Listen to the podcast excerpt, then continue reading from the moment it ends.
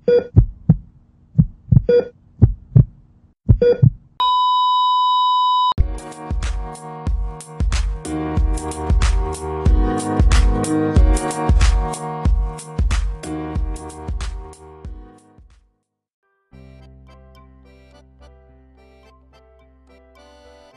hey hey, selamat bergabung kembali di dalam BB69. Apa kabar nih sobat BB69?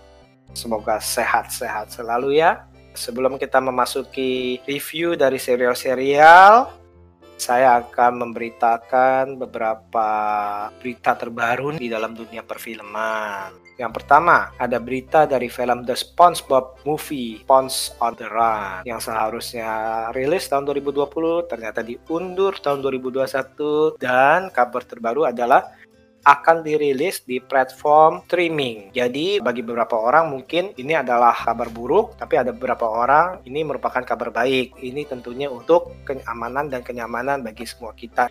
Yang berikutnya, yang nomor dua, kabarnya adalah Chicken Run yang udah lama itu ternyata akan dibuat sequelnya nih dan akan dikeluarkan di Netflix. Dan kabar terbarunya adalah bahwa Mel Gibson akan digantikan dengan aktor lain yang masih belum tahu nih. Kita nggak tahu nih judulnya apa dan mengenai apa nih. Jangan-jangan judulnya When Colonel Sanders Met Wendy's.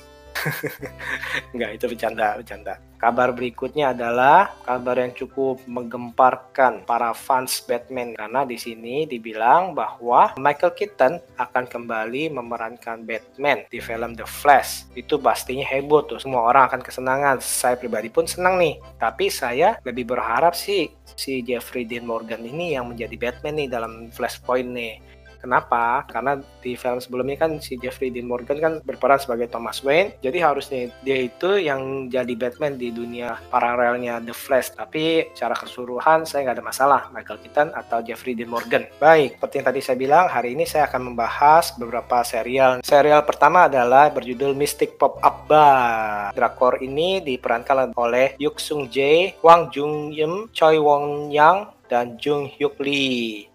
Serial drama ini merupakan sebuah serial komedi fantasi yang diangkat dari webtoon nih yang berjudul Twin Tops Bar karya Bai Heyesu. Serial ini sendiri berkisah mengenai wanita yang berusia 500 tahun yang diberi kesempatan lagi untuk hidup dan menebus dosanya. Wanita itu bernama Wolju yang diperankan oleh Wang Jung-eun yang memiliki sebuah bar misterius bar yang dioperasionalkan bersama asistennya si Gui yang diperankan oleh Choi Won Yang sebenarnya dipergunakan untuk membantu orang yang bermasalah.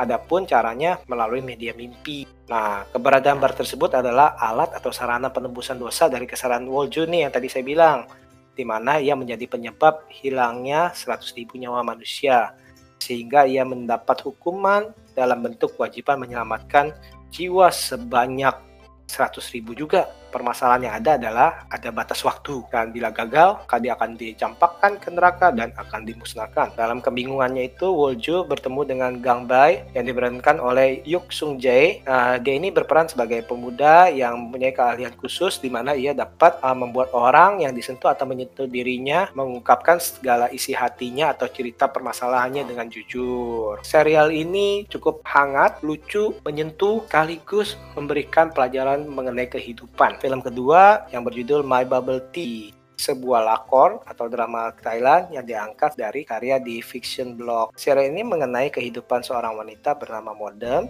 yang dari kecil ia ingin menjadi artis atau influencer dan sejak kecil ia merupakan anak yang rajin dan pintar namun entah kenapa dia kurang beruntung nih dari temannya si Ray yang bersifat sebaliknya. Yang menjadi penarik dari serial ini adalah modem ini ternyata dari keluarga pemilik Bubble Milk Tea Magic nah, dengan berjalannya serial ini, maka permasalahan-permasalahan ataupun konflik-konflik yang ada ini malah mengubah kehidupannya.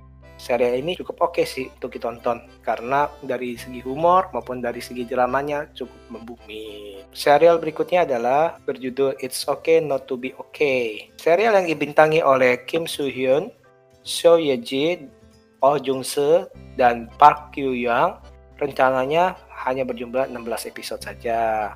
Serial ini berkisah mengenai Moon Kang Tae yang diperankan oleh Kim Soo Hyun, seorang pemuda yang bekerja di rumah sakit di bangsa psikiatrik yang pada suatu kejadian bertemu dengan seorang wanita penulis buku anak terkenal yang bernama Go Moon Yang yang ternyata dia itu memiliki kepribadian antisosial. Dan sejak pertemuan itu ada percikan-percikan cinta yang cukup unik di antara mereka berdua. Yang menarik dari serial ini adalah serial ini mengangkat mengenai kesehatan mental di masyarakat sekitar kita. Aura-aura dari serial ini juga cukup unik ya dan saya suka itu cukup ada beberapa kesan gotiknya juga, terus ada beberapa kesan tanda kutip anehnya juga, tapi di satu sisi itu manis. Nah, ini mengingatkan saya pada film-film dari karya Tim Burton. Dan sebagai informasi aja nih, serial ini merupakan comebacknya dari Kim Soo Hyun setelah lima tahun absen menjadi peran utama dalam drakor karena dia itu wamil. Dan ternyata si Seo Ye Ji yang sebagai lawan mainnya di sini ternyata merupakan satu rekan agensinya.